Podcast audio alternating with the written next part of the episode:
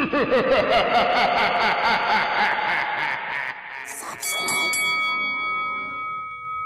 Podcast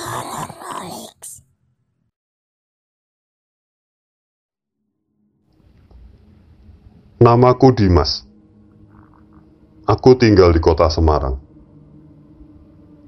Sejak empat tahun lalu, aku bekerja dan tinggal di sini. Umurku 28 tahun, dan aku belum menikah. Aku bekerja di salah satu bank swasta di kota Semarang sejak empat tahun yang lalu. Aktivitasku sehari-hari biasa saja. Kerja dari pagi sampai sore, terkadang sampai malam. Setelahnya, pulang dan beristirahat di kosanku yang jaraknya sekitar 15 menit dari tempat kerjaku. Entah kenapa, hari ini badanku terasa lelah sekali. Mungkin karena beberapa hari ini kecapean karena lembur di kantor. Setelah sampai kos, tidak lama kemudian aku merasa mengantuk dan tertidur. Sekitar tengah malam, aku terbangun dari tidurku dengan kaget. Sekujur tubuhku berkeringat. Aku berusaha menenangkan diriku sambil mengingat-ingat tentang mimpiku barusan. Mimpi yang mengagetkanku dan membuatku terbangun dari tidur. Aku mengingat mimpiku tadi. Dalam mimpiku tadi, aku melihat sesosok perempuan. Dia memanggil-manggil namaku.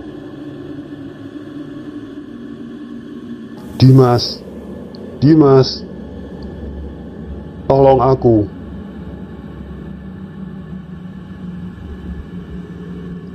Aku tidak bisa mengingat wajah sosok perempuan dalam mimpiku itu.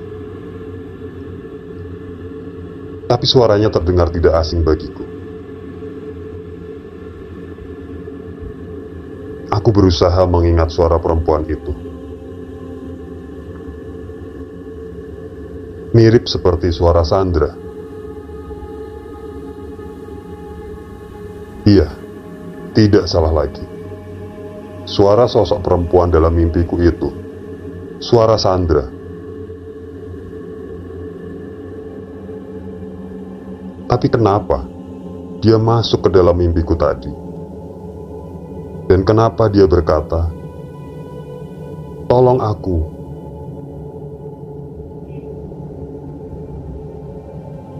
Setelah diriku tenang, aku lalu kembali melanjutkan tidurku.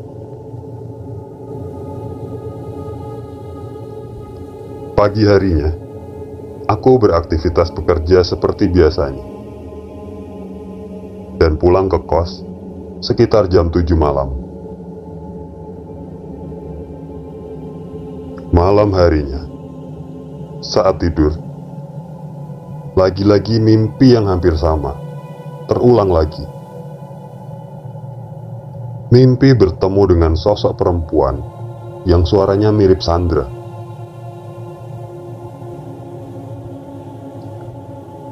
Namun kali ini, aku bisa melihat wajah sosok perempuan di mimpiku. Iya benar, tidak salah lagi. Dia adalah Sandra. Dan dia mengucapkan hal yang sama. Dimas, tolong aku. Tolong aku. Lagi-lagi aku terbangun dari tidurku dengan kaget. Dan keringat membasahi tubuhku. Setelah diriku sadar penuh dan tenang kembali, aku bertanya-tanya, kenapa Sandra masuk ke dalam mimpiku? Dan kenapa dia meminta tolong padaku?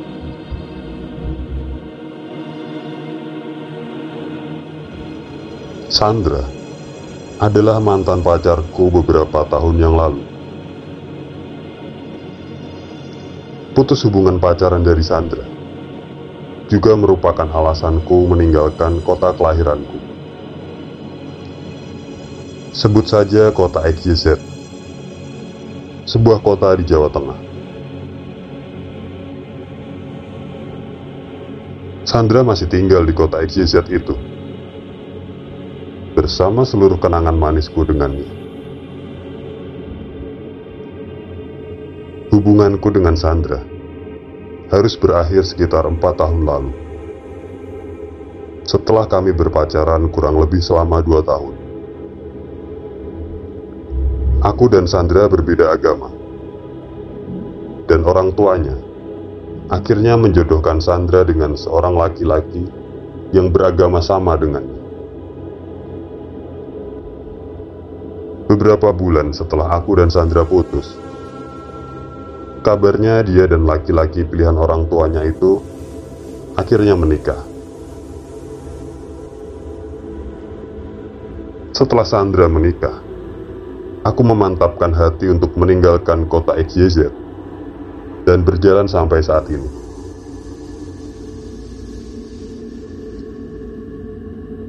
Perpisahan dengan Sandra akibat pacaran beda agama dan berakhir dengan perjodohan Sandra oleh orang tuanya sangat membekas pahit di pikiranku.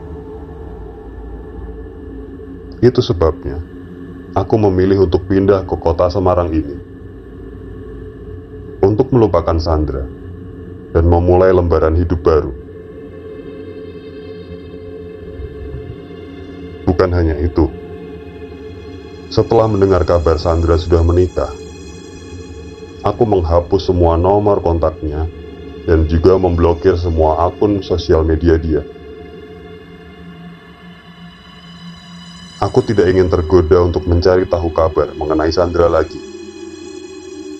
Karena dia sudah istri sah orang lain. Dan melupakannya adalah pilihan terbaik. Walaupun tidak mudah bagiku. Tapi, kenapa dua hari ini mendadak Sandra muncul dalam mimpiku? Dan kenapa dia meminta tolong padaku? Entahlah.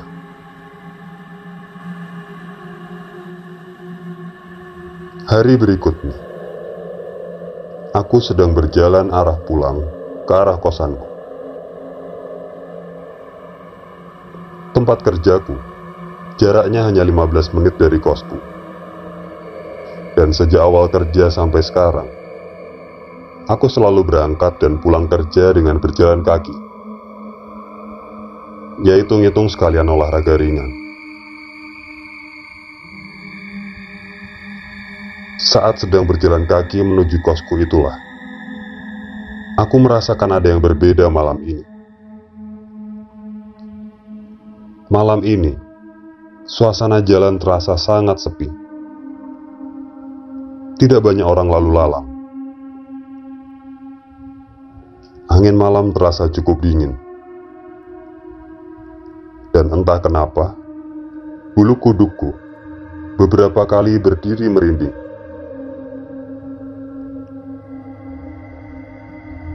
Beberapa kali aku mencium bau bunga yang sangat wangi.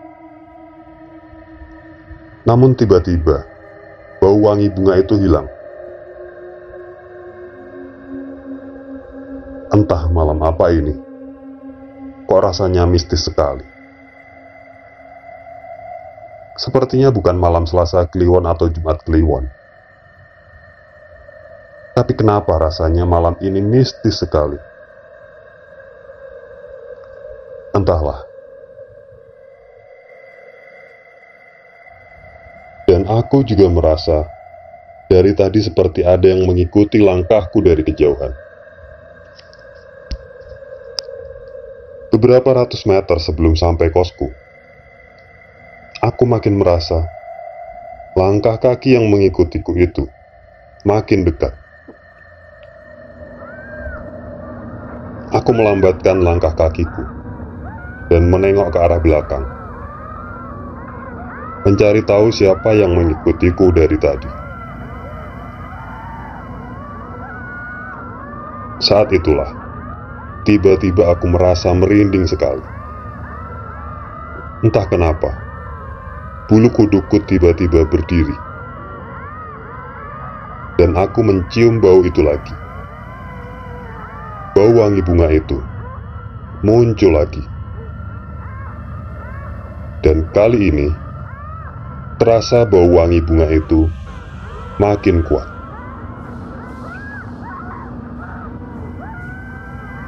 Dimas, suara itu mendadak mengejutkanku. Aku membalikkan badan, dan aku sangat terkejut dengan apa yang aku lihat saat ini. Sekitar tiga meter di depanku, aku melihat orang yang memanggil namaku tadi. Entah kapan dan dari mana munculnya. Aku mengamatinya dengan seksama. Tidak salah lagi. Itu Sandra. Dia berdiri sekitar 3 meter di depanku. Wajahnya tampak sangat pucat, dan sorot matanya sangat tajam. Aku benar-benar heran. Bagaimana bisa Sandra menemukanku di kota ini?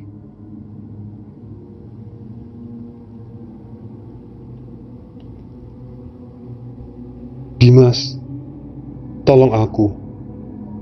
Tolong aku. Kata Sandra saat itu. Aku tidak bisa berkata apa-apa saat itu. Aku masih heran dengan keberadaannya secara tiba-tiba. Dan entah kenapa, bulu kuduku rasanya makin merinding.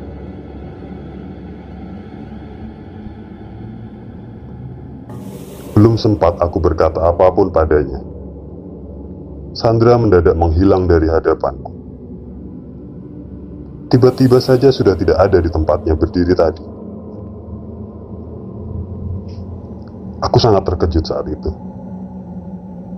Aku menengok ke sekeliling. Tapi aku tidak menemukan keberadaan Sandra di sekitarku. Dia menghilang begitu saja.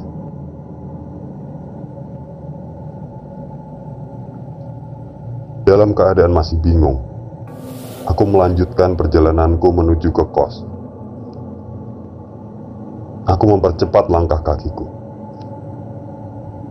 Aku merasa ada yang tidak beres dan harus segera sampai di kosku.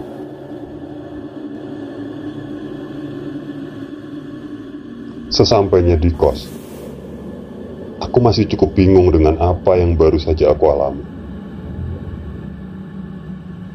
pertemuan dengan Sandra barusan. Dan tiba-tiba dia menghilang. Dan juga kemunculan Sandra dalam mimpiku dua hari berturut-turut. Ada apa ini sebenarnya?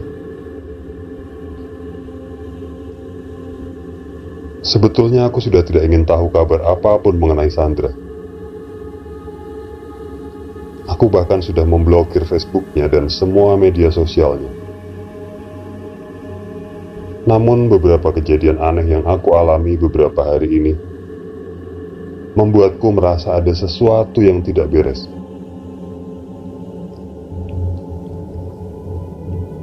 Aku lalu menghidupkan komputer di kamar kosku dan membuka Facebookku. Aku mencari profil Facebook Sandra di daftar blokir, lalu membuka blokirannya.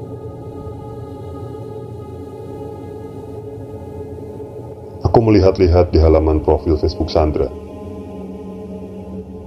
Dan saat itulah, aku menjadi lebih kaget lagi. Sekaligus merasa merinding tiba-tiba. Di halaman profil Facebook Sandra, aku menemukan ada banyak ucapan bela sungkawa, ucapan doa, dan ucapan kesedihan dari teman-teman Sandra. Aku mengamatinya dengan teliti. Barulah aku sadar. Ya Tuhan, Sandra ternyata sudah meninggal dunia.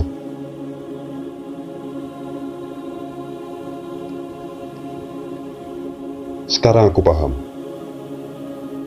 Yang beberapa kali muncul dalam mimpiku dan menemuiku saat perjalanan ke kos beberapa saat lalu. Itu kemungkinan adalah arwah atau Korin Sandra.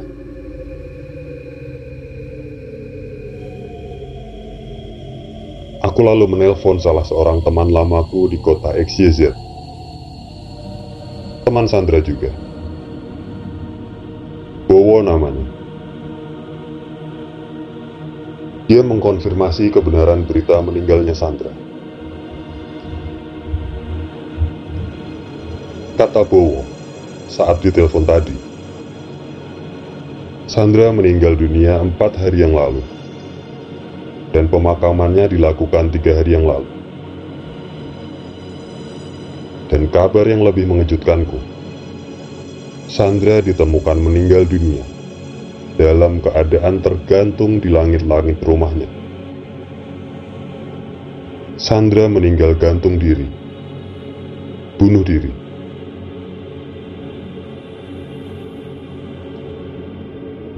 Setelah menutup telepon, aku lalu mengambil air wudhu untuk sholat. Sekaligus mengirim doa untuk Sandra, yang ternyata telah berpulang dengan cara tidak wajar meninggal bunuh diri. Walaupun di pikiranku masih bertanya-tanya mengenai alasan apa yang membuat Sandra mengakhiri hidup dengan bunuh diri seperti itu.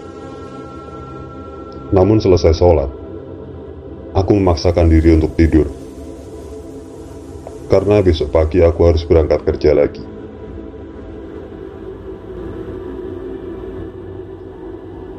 Dimas, Dimas, tolong aku. Aku dibunuh. Tolong aku. Suara dalam mimpi itu sangat jelas terdengar. Dan aku terbangun dari tidur dengan kaget. Tubuhku berkeringat. Aku lalu menenangkan diri beberapa saat. Suara dalam mimpiku barusan sangat aku kenal. Itu suara Sandra. Kenapa Sandra datang lagi di mimpiku dan mengucapkan kalimat itu? Dimas, tolong aku. Aku dibunuh. Aku melihat ke arah jam dinding. Saat itu pukul 3.40 WIB dini hari.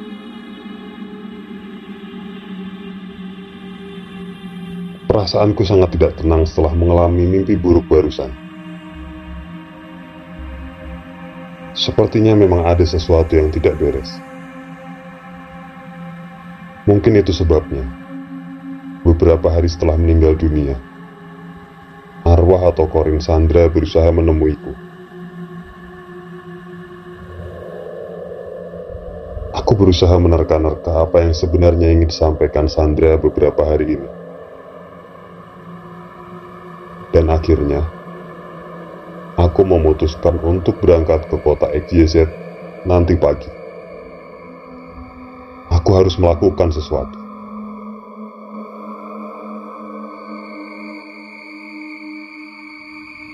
Pagi harinya, setelah mendapat izin cuti dari atasanku di kantor, aku berangkat menuju kota XYZ, kota kelahiranku, kota kediaman Sandra dan keluarganya juga. Sekitar jam 10 pagi, aku sudah sampai di kota XYZ. Dan tujuan utamaku adalah rumah orang tua Sandra. Ditemani Bowo, teman lamaku dan Sandra, aku berkunjung ke rumah orang tua Sandra.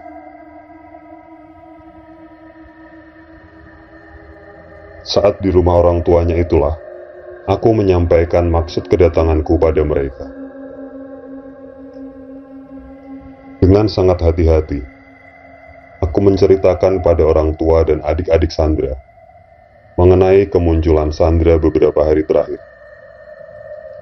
Dan pesan apa saja yang disampaikan Sandra padaku dalam kemunculannya tersebut.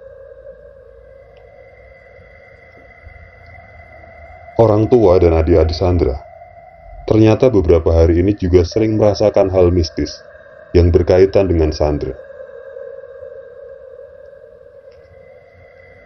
Ibunya Sandra beberapa kali didatangi dalam mimpi.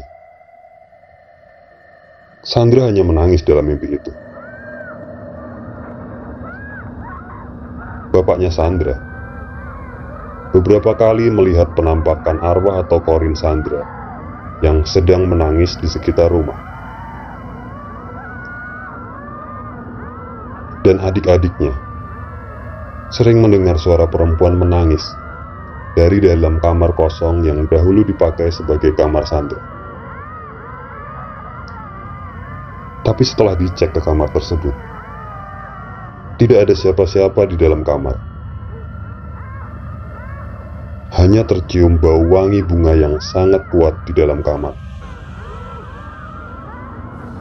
Padahal tidak ada bunga apa pun di dalam kamar kosong itu.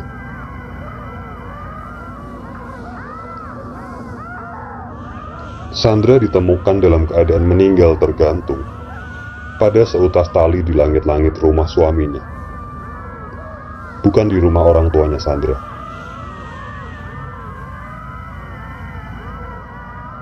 Tua dan adik-adik Sandra akhirnya mau mendengar saran dariku untuk meminta kepolisian melakukan otopsi pada jenazah Sandra. Ya mau tidak mau, harus membongkar makam Sandra.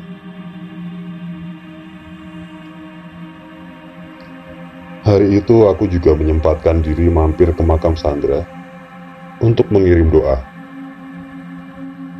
Lalu pulang dan bermalam di rumah orang tuaku. Barulah keesokan harinya, aku balik lagi ke kota Semarang. Beberapa hari kemudian, aku mendapat telepon dari Bowo. Dia mengabarkan bahwa proses otopsi dari pihak kepolisian dan forensik sudah selesai dilakukan pada jenazah Sandra sehari yang lalu. Fakta yang didapat dari hasil otopsi. Sandra diperkirakan sudah dalam keadaan meninggal dunia. Beberapa jam sebelum tergantung di tali. Dan ditemukan luka fatal di kepala bagian belakang Sandra akibat benturan benda keras. Tim forensik menyimpulkan bahwa kematian Sandra bukan diakibatkan jeratan tali pada lehernya, melainkan akibat luka fatal di kepala bagian belakang. Jadi Sandra meninggal bukan bunuh diri, melainkan menjadi korban pembunuhan. Polisi bergerak cepat untuk mencari pelaku pembunuhan Sandra. Dan beberapa saat yang lalu, ditangkaplah pelaku pembunuhan Sandra. Ternyata pelakunya adalah suaminya sendiri. Dari pengakuan pelaku, yaitu suaminya Sandra. Saat itu, mereka bertengkar hebat karena suaminya ketahuan punya perempuan simpanan. Dan saat bertengkar itulah, suaminya kalut. Dia mendorong badan Sandra terlalu keras. Kepala Sandra membentur dinding. Lalu kepala bagian belakang Sandra mengeluarkan darah yang cukup banyak. Sandra tidak sadarkan diri hingga akhirnya meninggal dunia saat itu. Karena ketakutan dan dihantui rasa bersalah, suaminya berusaha menghapus jejak dan menyeting seolah-olah Sandra meninggal bunuh diri. Dia lalu menggantungkan badan Sandra ke langit-langit rumah dengan seutas tali jemuran yang diikatkan ke leher. Padahal saat itu, Sandra sudah meninggal beberapa menit sebelumnya.